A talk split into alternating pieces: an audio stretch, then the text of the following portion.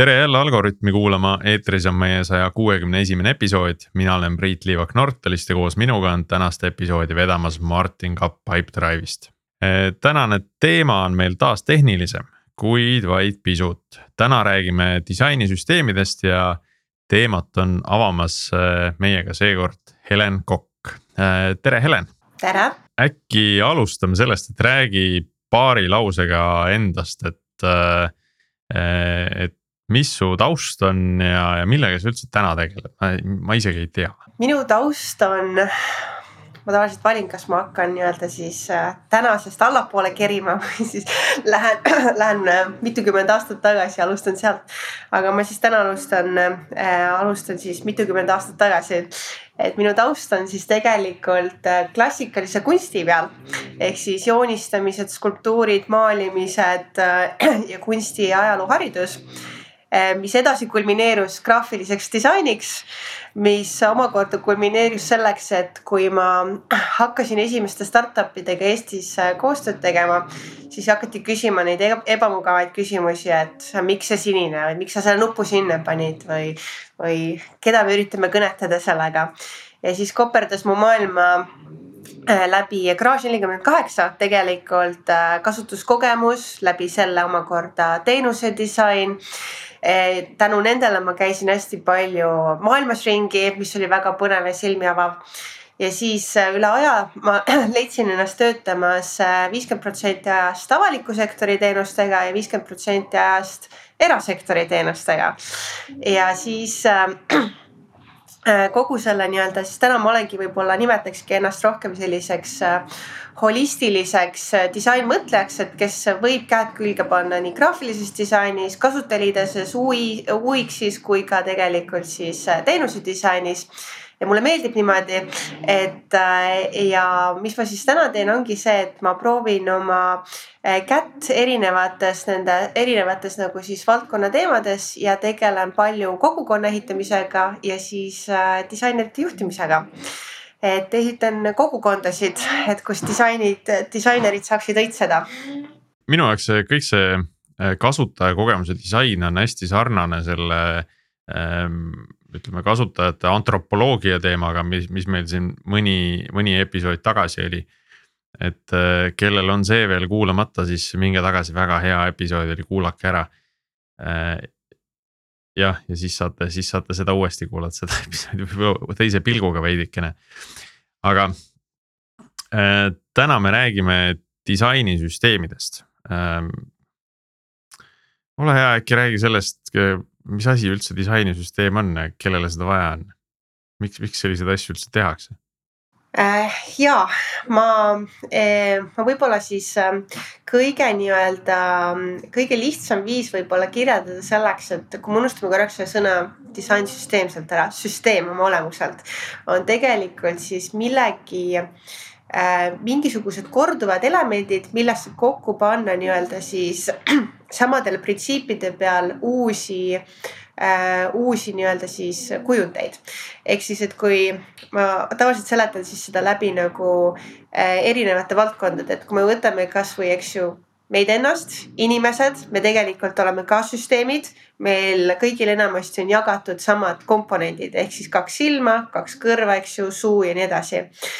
Aga me siiski oleme natukene nagu erinevad, jagades samasid komponente nii on ka tegelikult terves looduses, arhitektuuris ja ka siis nüüd omakorda tulles digimaailmasse, siis ka digimaailmas, eks ju, et kui me vaatame ükskõik millist äh, rakendust või, või iseteenindussüsteemi või kodulehekülge.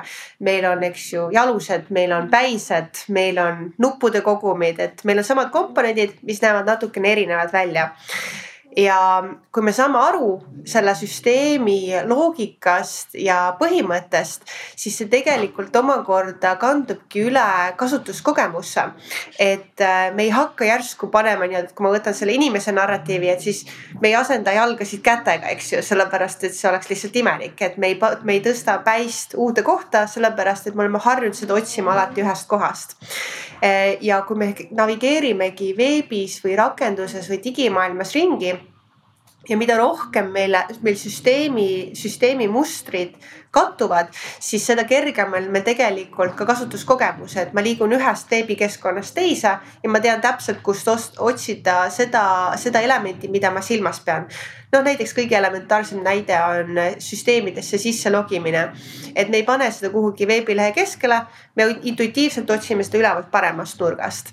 et see on võib-olla kõige, kõige nagu sellisem holistilisem vaade, mis ma saaksin pakkuda, et mis asi üks disainsüsteem tegelikult on, et ta on jagatud sõnavara meie kõigi vahel, kes me tarbime veebi.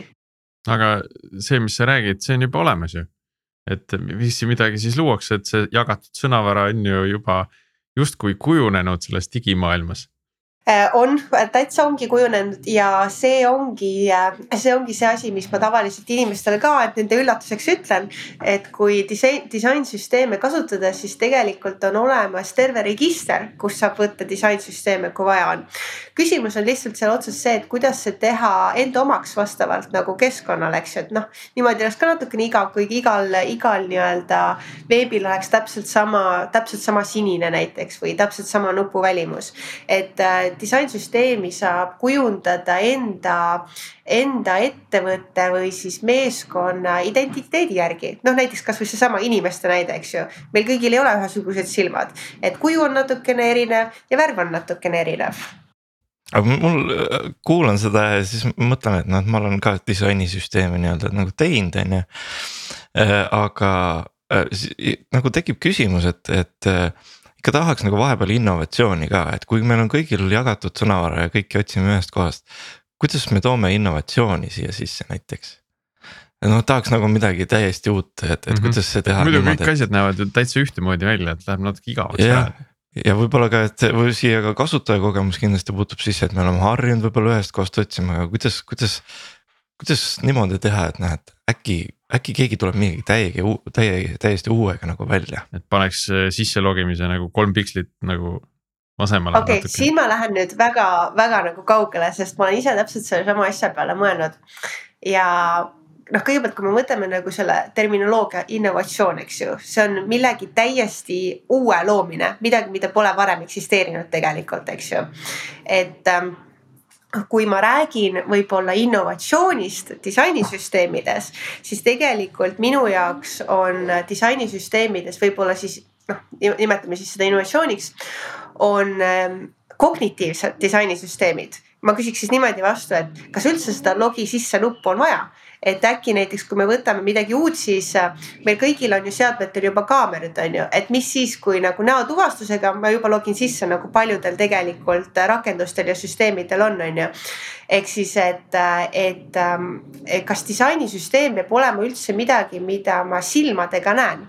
et äkki see on midagi sellist, mis tegelikult juba toimib ja adapteerub nagu mulle vastavalt nagu sellele, kuidas mina kasutaja navigeerin, navigeerin nagu siin maailmas ringi et see oleks minu jaoks innovatsioon, et me oleme ju juba natuke nagu flirdime mingite asjadega siin, aga see saaks veel rohkemat olla, see saaks veel kaugemale minna.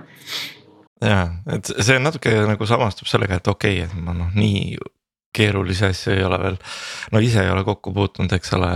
aga, aga mulle meeldib see, et siis disainisüsteemis, et kui on nagu noh, see me rääkisime, et noh, et värvid ja asjad igalühel on erinevad, eks ole. aga see semantiline põhi on ikkagi see, mille peale sa teed, on ju oma asja. ja siis sa saad noh, et see loob nagu kasutajakogemuse, et sa võidki kõik värvid ära võtta ja siis sealt saab innovatsiooni nagu luua võib-olla. et, et mustvalge no nagu, nagu pigem nagu, et see üks tase allpool, et me mõtleme välja, mida me, kuidas me tahame ka mingeid asju kasutada ja siis me paneme sinna nii-öelda värvikihi peale, et. nagu kodus ehitad enne seinad püsti ja siis sa vaatad, et ah, siia tuppa sobiks sihuke värv ja teise tuppa teine värv, et siis. Eh, aga, aga kodu kasutaja kogemust see nagu noh, nagu niivõrd ei muuda, on ju mhm ei, sellega ma olen väga-väga nõus, et ütleme niimoodi, et disainsüsteem on siiski ütleme, et see väga väike protsent, mis peaks olema järeldus kasutuskogemuse küsimustest. ehk siis, et ma kõigepealt ikkagi pean küsima need kurikuulsad viis miks'i ja siis disainsüsteem võib olla üks võimalik väga paljudest lahendustest, kuhu ma jõuan, et mul on disainsüsteemi vaja. aga jah, et ennem on vaja küsida ikkagi need miks, miks, miks, miks, miks, miks ära ja siis potentsiaalselt me jõuame disainsüsteemini võib-olla avaks korra sellist mingi ühe disainsüsteemi loomise protsessi ka, et, et kust nagu üldse pihta, võtame, eeldame, et seda on vaja ja, ja siis, et kust pihta hakatakse, millised etapid läbitakse ja mis, mis see tulem on, mis selle tulemusena siis luuakse, et võib-olla see annab ka parema pildi sellest, et mida, mida see endas kätkeb? ja äh, disainsüsteemidega on niimoodi, et kui äh, ühes ettevõttes või ühe projekti peal hakata neid looma, siis kõik, kõik saab ikkagi küsimusest jälle sellelt, mis on see eesmärk, mida me tahame saavutada. miks meil üldse seda disainsüsteemi on nagu vaja, et ähm, äh,. sest aga see... kes, kes sellele üldse peaks oskama vastata? et kui, kui ma mõtlen näiteks, kui me vaatame avaliku sektori poole, et et noh, see võib tähendada ikkagi päris pikki vestlusi, noh täna Eesti avalikus sektoris on olemas disainsüsteem Veera on ju, noh, mis on suurepärane. Äh, et, et see on olemas, aga kui ma võtan, äh, oh, noh, me võime mõne enterprise'i ka võtta, me läheme jalutame sisse mingisse tööstusettevõttesse, näeme, et seal on vajadust. või noh, et, et ma usun, et see tööstusettevõtte klient ei pruugi osata meile vastata, et miks tal seda vaja on või noh, et nagu ta on, elab nagu täitsa teises maailmas, et saad aru, mis ma mõtlen, et, et kui sa, kui sa vestled in, inimesega, kes elab teises maailmas, et kuidas sa tema käest neid miks'e küsid siis? ja see on väga õige küsimus, et see on ka see, mis, mille, mille üle ma olen kuulnud, et hästi palju nagu räägitakse ka avalikus sektoris, et igale teemale on siiski vaja omanikku. asjad ei juhtu nagu, et kui sellel ei ole omanikku, ehk siis ideaalses olukorras on niimoodi, et äh, kas ettevõttes või siis projektis sees on ikkagi äh, täna juba see on täiesti ametlik positsioon disainsüsteemi omanik, eks ju, nii nagu meil on tooteomanikud juhul, kui seda, seda rolli ei eksisteeri, siis kõige lähem võib-olla täna, kes suudaks nagu aidata mõtestada lahti disainsüsteemi vajadust ja mis see olla võiks, on teenusedisainerid et äh, või siis äh, kasutajaliidese kasutuskogemuse disainerid. et äh, see võib olla ka täiesti vabalt ähm, majast välja, väljapoolt sisse ostetud konsultatsioon või mis iganes, aga ideaalis võiks ikkagi nagu igas ettevõttes sees olla omanik disainsüsteemile. et, et ega siin midagi nagu teistmoodi ei ole selles osas okei okay,, ja see omanik peab suutma ka vastata sellele küsimusele siis, et miks seda, miks seda selles ettevõttes tarvis on, eks ole ja nii nagu iga omaniku tunnetus, eks ju on, et, et kui küsitakse neid ebamugavaid küsimusi, siis vastused on olemas. nii, ja kui nüüd on tõdetud, et on tarvis, äh, siis kust, kust pihta hakatakse, mis, mismoodi see minema hakkab? Eh, jah, et siis äh, täpselt samamoodi nagu iga teenuse disaini protsess, kõigepealt ikkagi siiski eesmärgistatus. et mida me üritame disainsüsteemiga saavutada, eesmärgid võivad olla erinevad. et eesmärk võib olla näiteks, et äh, väga palju on, no näiteks nagu Veera puhul, et väga palju on portaale, mis on vaja nii-öelda sama kõnekeele peale panna selleks, et kasutuskogemus oleks ühesugune. Ähm, võib olla ka eesmärgistatus see, et kiirendada igasuguseid igasuguseid arenduslikke töid. sest äh, väga tihti ma näen ettevõtetes näiteks seda, et erinevad meeskonnad ehitavad täpselt samasid neid süsteemi elementikesi üles, eks ju. mis tegelikult lisab nii-öelda siis overhead'i, eks ju on ju, et inglise keeles et, et kõigepealt peab ikkagi aru saama sellest eesmärgistatusest, siis äh, järgmine suur samm, mis ma tavaliselt ise nagu rõhutan ka, on see, et on vaja luua ettevõttes sees või projektis sees disainsüsteemi mõtlemise kultuur. Ehk siis ka nagu rituaalid kokkusaamismomendid, kui midagi nagu demotakse, et sest sellesse on vaja suhtuda kui nii-öelda miniprojekti selle nii-öelda ettevõtte või siis projekti nagu enda sees. ja jällegi selleks peab üks omanik olema, eks ju, et üks inimene, kes veab eest seda asja ja kindlasti on vaja nagu kaardistada ära, et kes on selle disainsüsteemi osanikud ehk siis nii-öelda kasvõi nagu investorid siis, eks ju, majas sees või väljapool maja. et äh, mida väiksem seda grupp hoida, seda muidugi parem, aga enamasti ikkagi öeldakse, et seal peaks olema äh, punt nii-öelda siis äh, analüütikuid punt nii-öelda siis arendustaustaga inimesi ja disaintaustaga siis inimesi. et on vaja nii-öelda siis nagu need äh, õiged võtmeinimesed ära kaardistada, et kelle kaudu nii-öelda siis võimendada ja seda mõju tuua, mis on disainsüsteemiga eesmärgistatud siis eelnevas sammus. ja, ja siis lähebki nii-öelda juba sealt lähme natukene juba tehnilisemaks, aga järgmised sammud ongi siis, järgmised sammud siis enamasti ongi see, et auditeerimine, mis siis täna olemas on ja kuidas me saame luua siis plaani, et minna edasi sellega, mida me saavutada tegelikult üritame. et kas me räägime siis juba eksisteerivatest toodetest või siis millegi uuest, aga ikkagi see auditeerimise samm on vaja siis seal siiski teha ja tavaliselt äh, startup maailmast nagu võttes sihukese mõttetera, et, et enamasti tehakse niimoodi, et eesmärgistatakse ükskord ära ja siis jäädakse kinni nii-öelda sellesse ehitamisse.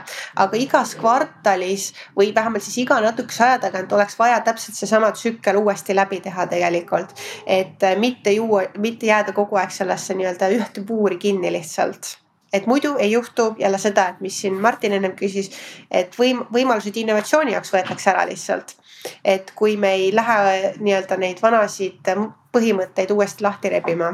aga milline on siis nagu hea disainisüsteem, et kui saab valmis ja kuidas, kuidas me teame, et kas see on hea või ei ole, mis, mis on need siuksed head näitajad selle juures?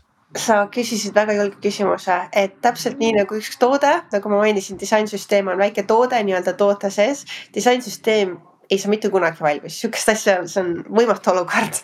et see on ikkagi elav nii-öelda organism täiesti nagu omaette ja aga hea süst-, hea disainisüsteem, et kuidas tuvastada, kas disainisüsteem täidab oma eesmärke, on täpselt niimoodi nagu igas tootes, eks ju. sul on mõõdikud, sul on meetrikad püsti pandud, mis lähtuvad sellest eesmärgist. et näiteks nagu ma ennem mainisin, et kui disainsüsteem sai loodud selleks, et arendajatelt võtta maha nii-öelda overhead'i, eks ju, siis see on väga selge meetrika. et kui me vaatame, et kas pärast mõne näiteks standardset komponendi ehitamist, siis me oleme võitnud näiteks ajas kaheksakümmend protsenti, järelikult disainsüsteem on edukas mhm, ja see ees, see eesmärk võib muutuda ajas, eks, et sellepärast tulebki uuesti üle vaadata, et kui meil nüüd arendajatelt on see surve maha võetud, võib-olla peaks nüüd midagi muud hakkama tegema. mida täidab see disainsüsteem juba täiesti uut eesmärki, mille jaoks võib-olla on seda disainsüsteemi tarvis veidi ka muuta ja täiendada, edasi arendada just, et aga ta puudutab ka lihtsalt, et hästi avatult mõelda, eks ju, et ta puudutab ka kasutajakogemust, et võtame näiteks klassikalise olukorra, et kus eh, ühel pakutaval teenusel on väga lihtne näide, näiteks hästi palju erinevaid nupustiile, eks ju, või nupukäitumisi või nupumustreid või paigutusi uh,. Steam. kes mingi, kes teab, siis see teab aga see omakorda aeglustab ka ju tegelikult, eks ju, et inimesed, potentsiaalsed kliendid ei leia üles võib-olla teenust ja ei saa oma eesmärke selle teenuse sees täita, eks ju. ja kui disainsüsteemis on nii-öelda ära standardiseeritud käitumised ja mustrid, siis tegelikult see omakorda, omakorda ju kandub edasi ärieesmärkide saavutamisse. noh, see on põhimõtteliselt üks ähm, ma tahtsin kuidagi sujuvalt minna sinna vigade juurde, mida disainsüsteemis tehakse, aga Steam'i näitel, aga noh, Steam, Steamis ei olegi ilmselgelt disainsüsteemi või keegi ei tea, et see on seal olemas. et sellest on teoretiseeritud, et kas, kas äkki nad teevad meelega niimoodi, et, et kõik asjad näevad erinevad välja, et äkki see ongi nagu nende see äh, disainsüsteem mingil, mingil põhjusel, et olla nagu Äh, siis ahvatlev võimalikult laiale grupile inimestest, et noh, et siis on kõik nupuvärvid on esindatud. Aga võib-olla neil on mitu tükki ja lihtsalt vaata väga, väga populaarne asi, et äh, AB testid jooksevad. Lihtsalt, kui sul on korraga nagu igal, igal pool AB testid jooksevad. kogu aeg jah, nad, nad veel ei ole otsustanud ära, mis värvi nad nuppu tahavad. Ma just, just tahtsin täpselt sama öelda, et tegelikult see on üks mul väga suur ka õppetund olnud, et mitte kunagi ei tasu nii-öelda äh, noh eeldada, eks ju, et mis nagu ettevõttes sees toimub, et äkki jooksutavadki mingisuguseid AB teste, eks ju. et, äh, et me kunagi ei tea tegelikult, et mis nende ärieesmärgid või eesmärgid on sätitud disainsüsteemiga, kui neil on üldse sihukest asja. aga selle disainsüsteemi eh, ehitamise juures eh, milliseid enam levinud vigu tasuks vältida või milliseid vigu sina oled näinud või, või ka ise läbi teinud, eks ole mida siis teised saaksid nii-öelda õppetunniks võtta ja, ja võib-olla ära hoida?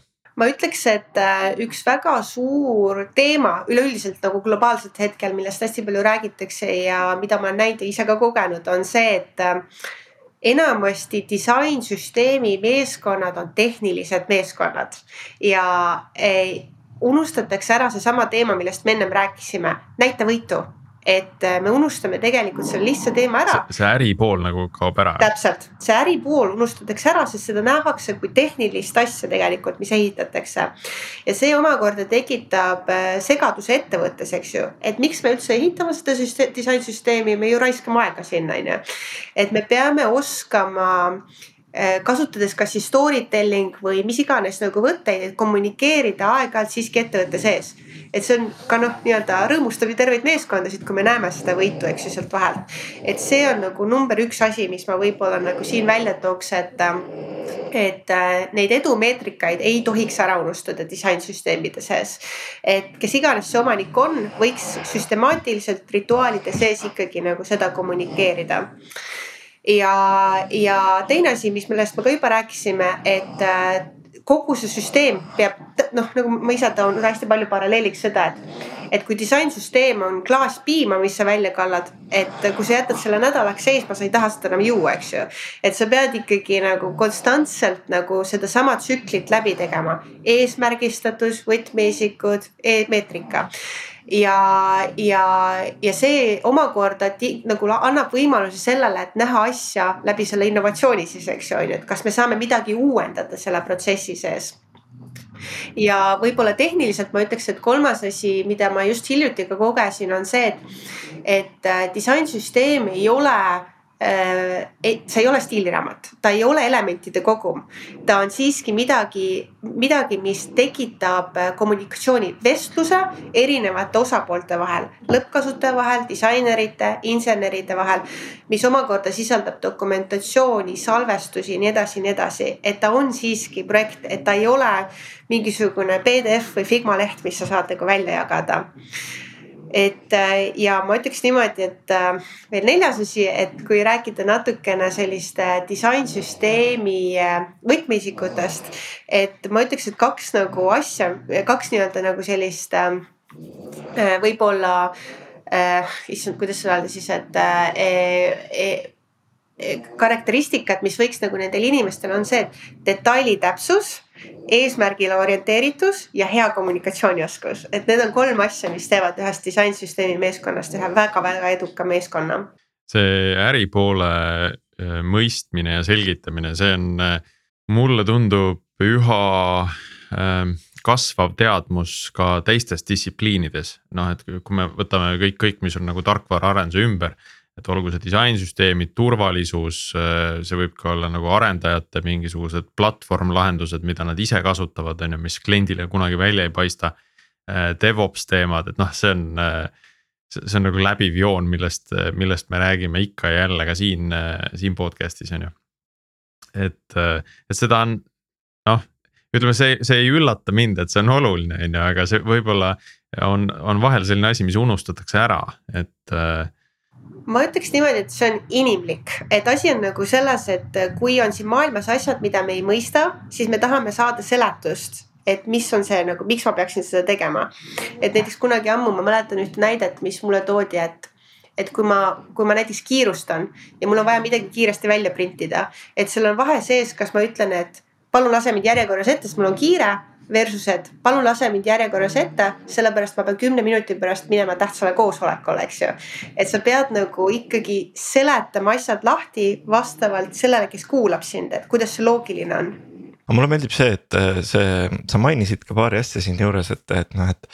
et see disainisüsteem ei ole sisuliselt, ta ei ole nagu komponendi library, eks ole, ja, või sihukene asi, et noh, et. et ma mäletan, kui meil nagu me tegime ka Pipedrive'is selle asja läbi, eks ole.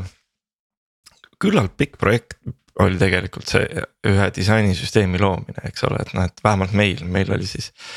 meil on olemas stiiliraamat, meil oli olemas äh, komponendi library juba, juba mõnda aega, eks ole, aga disainisüsteem ikkagi, selle uuendamine on noh, omaette sihuke katsumus, võiks öelda, vähemalt, vähemalt tundus niimoodi ehm,. aga ma tahaks kõigepealt küsida enne sinu käest, et noh, et sa, kui sa oled neid nüüd loonud, eks ole, mingite meeskondadega. kustpoolt see tavaliselt pihta hakkab, kas, kas disainerite poolt või arendajate poolt või kas seal on üldse vahe? sellepärast, et noh, ma jõuan sinna tagasi, et, et kuidas see meile võib-olla asi käis, eks ole, aga kust ta võiks pihta hakata ma arvan, et eh, ma, ma olen mõlemat pidi näinud ja mõlemat pidi, kui sa alustad arendajatest, on omad vead, kui sa alustad disaineritest, on teised vead, eks ju. et see saab tegelikult kokku ikkagi siiski seal kuskil kahe vahel nii-öelda ütleme. et, et arendajad pakuvad või arendaja pakub siis nii-öelda oma nägemust sellest asjast, oma teadmised, mis tal on. disainer pakub oma nägemuse ja püüakse, püüdakse siis nagu näha nagu see nii-öelda nagu, mis see nii-öelda siis sild on, eks ju, seal vahel.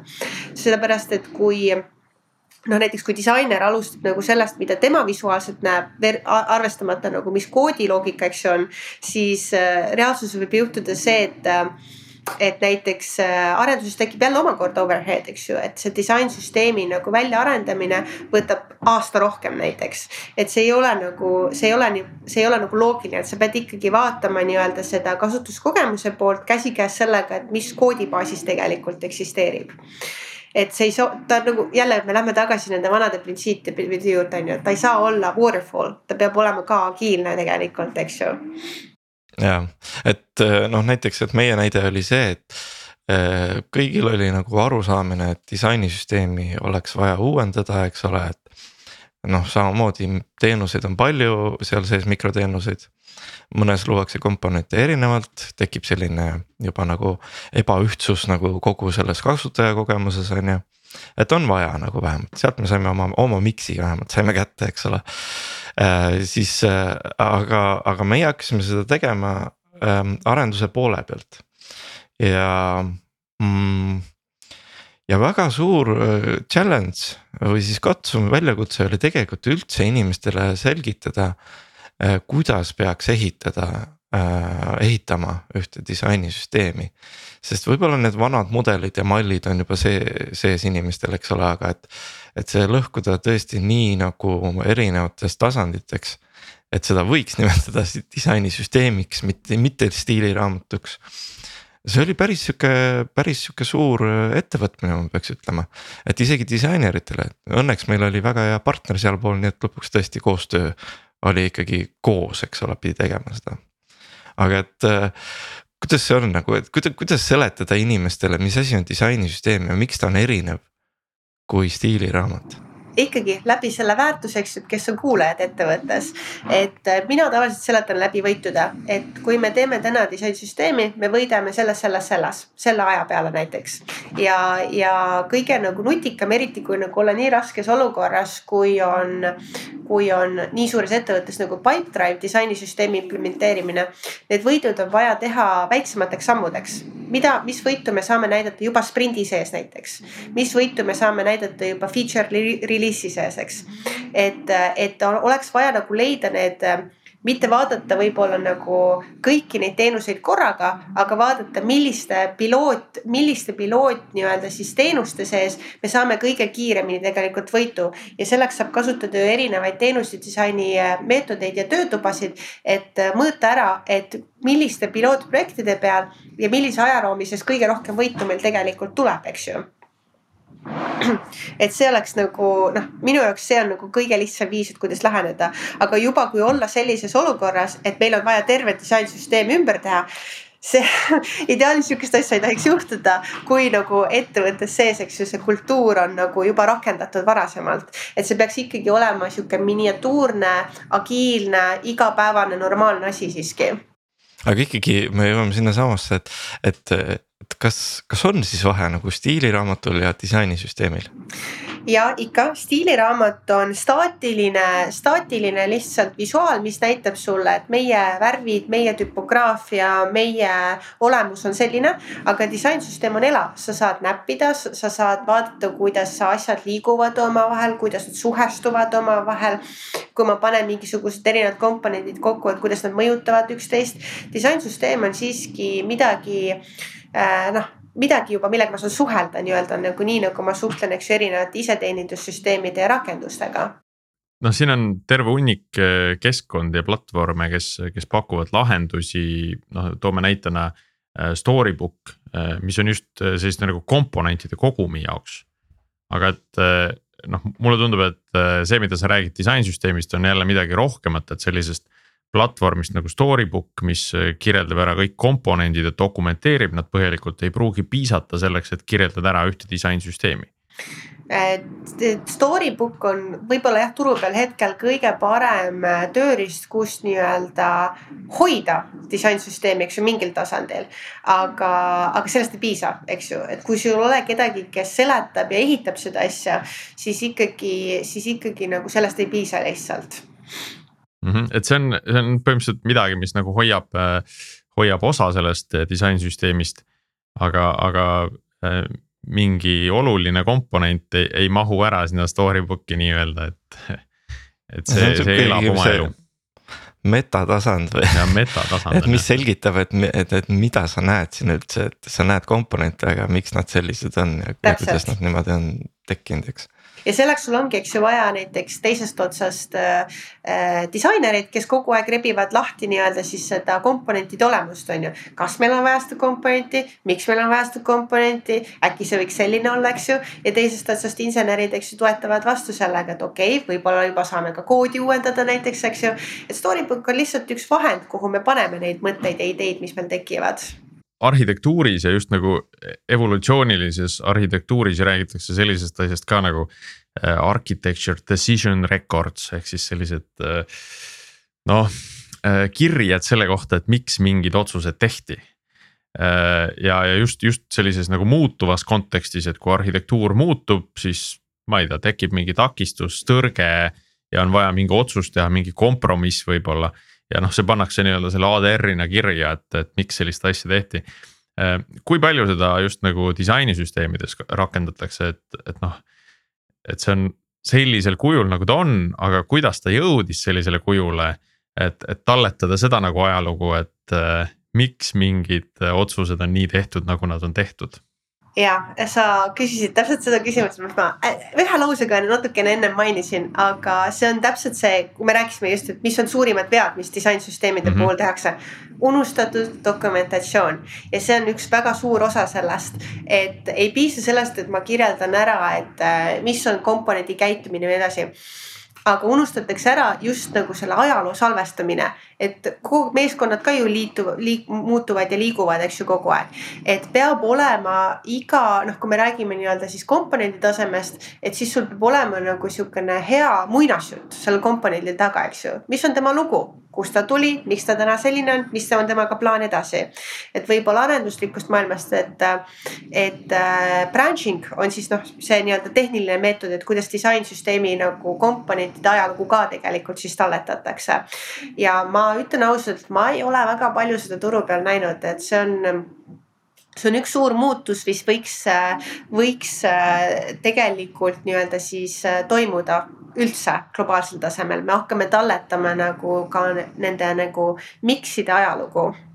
sest kui see niimoodi täitsa eraldi tootena olemas on, eks ole, eh, siis me peaks seda arendama samamoodi, et meil säilib mingi, mingi ajalugu selle kohta, et miks mingid otsused on tehtud, on ju mm. -hmm, just, et äh, sest noh, kui tuleb uus inimene või näiteks kasvõi võtame sellesama, eks ju, Veera näite. et ma kujutan ette, et väga paljudel inimestel tekib küsimus, et oot-oot, aga miks ta sihuke, miks ta ei ole sihuke, ehk siis ta küsib samasid küsimusi, mis tegelikult see meeskond küsis, kui ta ehitas seda komponenti mm. -hmm. aga see jälle me võidame, eks ju, ajas, kui me saame kiirelt läbi lugeda, mis ajalugu ja põhjendus on ja jälle, eks ju, liigume nagu kiiremini edasi mäletan, meie rääkisime samamoodi nendest, aga ma isegi ei mäleta, nüüd ei oska öelda, kas sellest sai asja või ei saanud, see on ikkagi sihuke.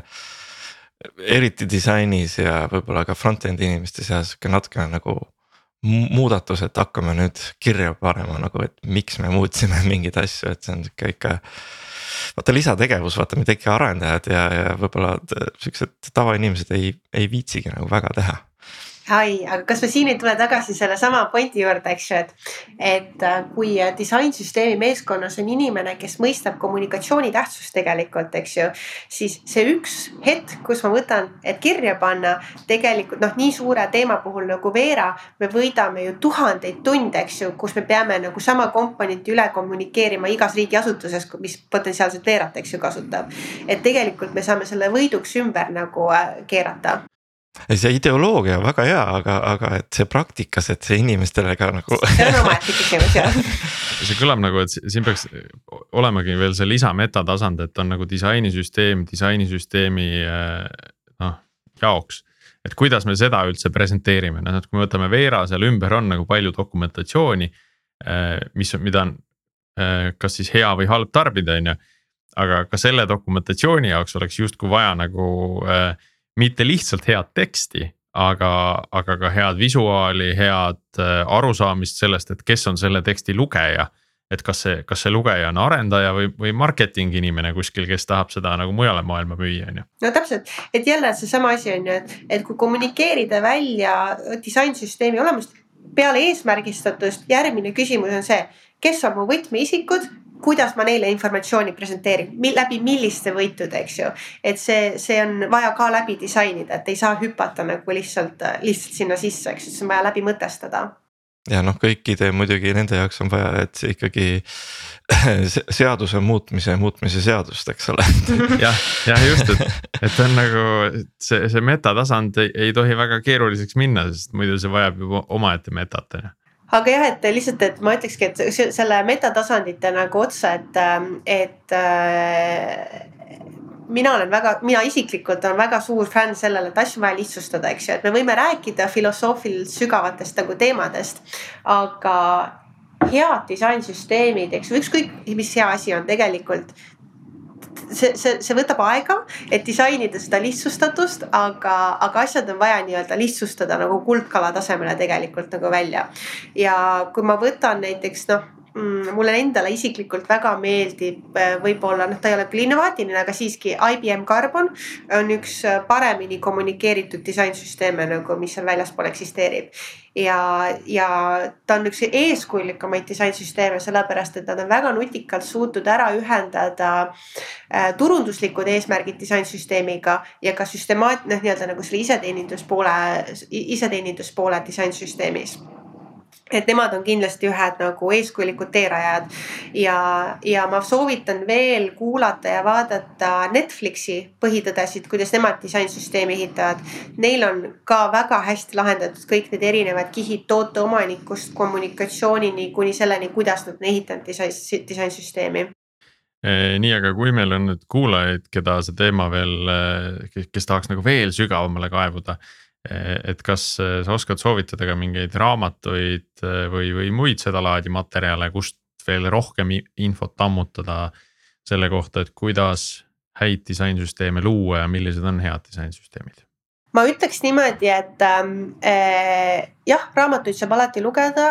Ma kahjuks peast ei mäleta nende raamatute nimesid, ma pean need üles otsima, aga tasub jälgida kogukonda ja, ja parim kogukond täna, mis kommunikeerib disainsüsteemi ja minu isiklik lemmik on Slackis selline äh, grupp nagu Into Design System, mis on avalik grupp täiesti ja sellega saab igaüks liituda ja seal jagatakse globaalsel tasemel, kus toimuvad üritused, kes midagi räägib, seal on hästi palju case study sid postitatakse. et see on kõige värskem koht, kust saada disainsüsteemide kohta informatsiooni väga hea, see on, see on kindlasti väga hea soovitus ja ma ütleks, et inimesi tasub jälgida, eks ju, et, et sellepärast, et neid, kes nagu suruvad seda teemat tegelikult edasi ja kes räägivad sellest. ehk siis, et raamat ju noh, tahame või ei taha, on ju, aga ta aegub päris kiiresti. ehk siis, et ikkagi kõige, kõige mõistlikum on jälgida üritusi, inimesi ja viimaseid postitusi. nii, Martin, sa tahtsid lisada veel midagi? Ei, selles mõttes, et, et see on tegelikult sihuke teema, mida, mis tõesti, et näed, tundub, et nagu teatakse, mis see on, aga et nagu mitte nagu võib-olla ikkagi väga süvitsi, et, et mul on nagu aimdus, aga siis, kui tegema hakkad, siis on ikkagi hoopis teine asi, et äh,.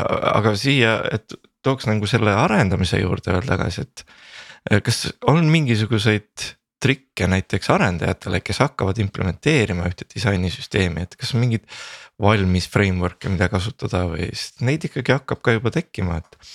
on sul kogemust, et milliseid nagu soovitada, et okei okay,, Storybook on meil visuaalseks vaatamiseks, dokumenteerimiseks.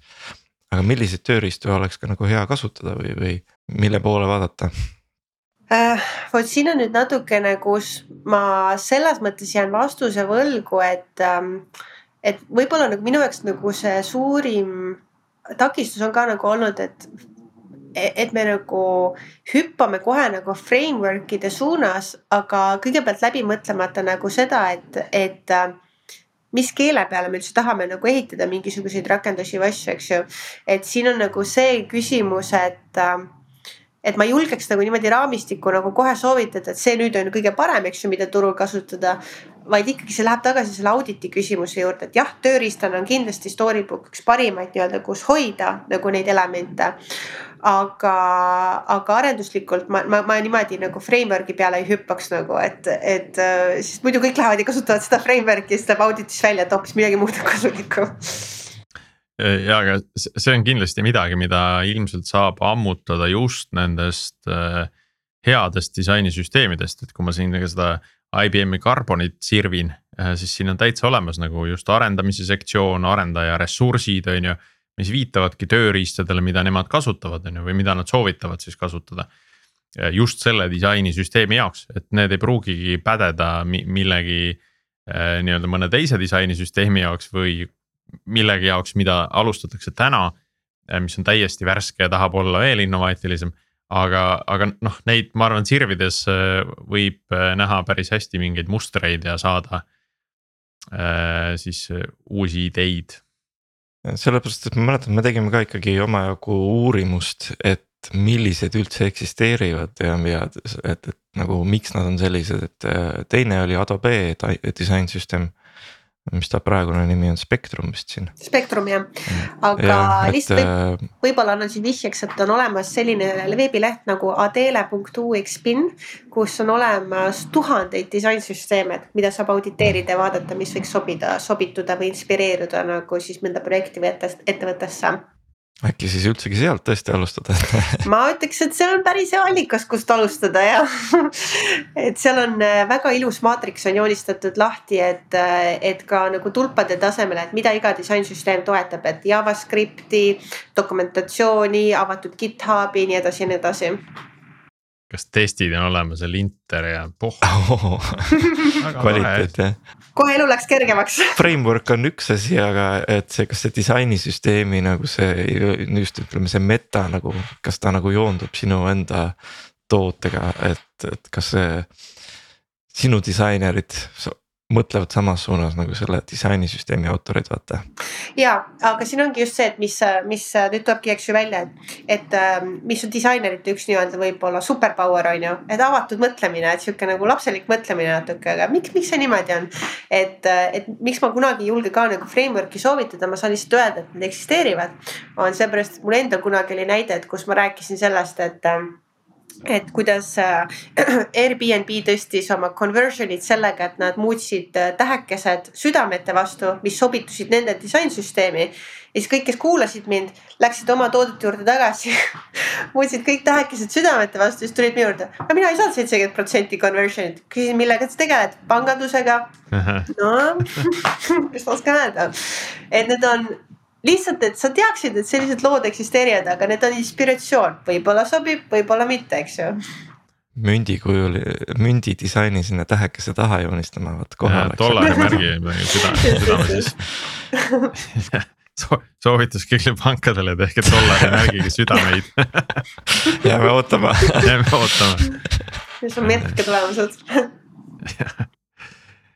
nii, aga siia lõpetuseks, Helen, kas on veel mingi teema, millest eh, sa arvasid, eh, et sa täna räägid või küsimus, mida sa kuuled, aga mida me veel ei ole küsinud?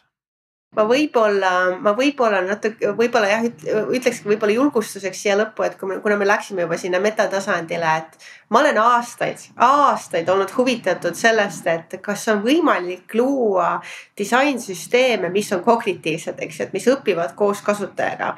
et, et et just see küsimus, et kas mul on vaja nuppu, on ju, äkki ma saan kasutada mingisuguseid teisi noh kas häält, nägu, eks ju, puudutust, mis iganes selleks, et parendada äh, parendada kasutuskogemust läbi nii-öelda siis disainsüsteemi. ja ma ütleks niimoodi, et äh, ma väga-väga-väga-väga-väga ootaks, et äh, kasvõi Eestis või väljapool nagu seda julgust katsetada, et ärme oleme kinni sellest, nupp peab olema nupp, äkki saab nupp midagi muud olla. et tahaks rohkem järgmine aasta neid inspireerivaid lugusid kuulda ma arvan, see on väga hea mõte, millega siin lõpetada ja, ja, ja ka üleskutse meie, meie kuulajatele, et kui äh, keegi teab häid näiteid sellest, kus nupp ei ole nupp, et äh, jagage meie Facebooki gruppi ja, ja siis äh, äh saamegi meie, saame ka meie lugeda siis, kui me ühel hetkel selle äh, Adele UX pin'i nagu läbi loeme, et noh, siin on see list on nii pikk, et äh, et see on väga põnev sirvimine kindlasti näiteks arendajatele vaadata, kuidas, milline on JetBrainsi veeb ui äh, süsteem või GitHub või, või, või ka Meetup, Meetup, eks.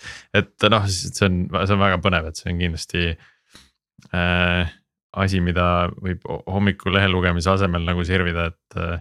et kuidas, võtavad, võtame järgmise sellest listist, et kuidas, kuidas nemad on teinud või mida nemad on teinud, et see on äge Äh, aga aitäh sulle, Helen äh, osalemast, oli väga huvitav vestlus ja saime, saime palju uut ja põnevat infot. Äh, meie kuulajatele ütlen, noh, ma ei tea, võib-olla praegu on veel vara seda hoiatust anda, aga. plaan oli ka tegelikult Veera disainsüsteemist natukene lähemalt rääkida Äh, ja, ja just äh, selles võtmes oli siis ka plaanis see antud episood, et, et teha nii-öelda disainsüsteemidele selline korralik põhi alla. ja, siis vaadata juba nagu võib-olla veerat äh, spetsiifilisemalt ja seda, mida sellega riigi tasemel tehakse. Kui keegi teab mõnda head külalist, kes siis võiks tulla sellest rääkima või tahab ennast välja panna veerast rääkima eh? käsi püsti. käsi püsti, jah. ma lihtsalt ütlen, et paar päeva tagasi ma nägin, et äh, Veeral tekkis uus tooteomanik. ma soovitaksin tema poole pöörduda. no vot, väga hea. Eh, jah, aga vaata, ma ei tea, kui palju sel uuel tooteomanikul on seda ajaloolist äh, taustainfot äh, peas olemas, et. Võib-olla siis mingi kombo leida, noh alati võib ju ennast ja sõpra soovitada koos, et meil on ka mitu külalist olnud episoodis, see on jumala fine. aga seniks Äh, siis head lugemist ja jääme kuulmiseni järgmisel nädalal. aitäh.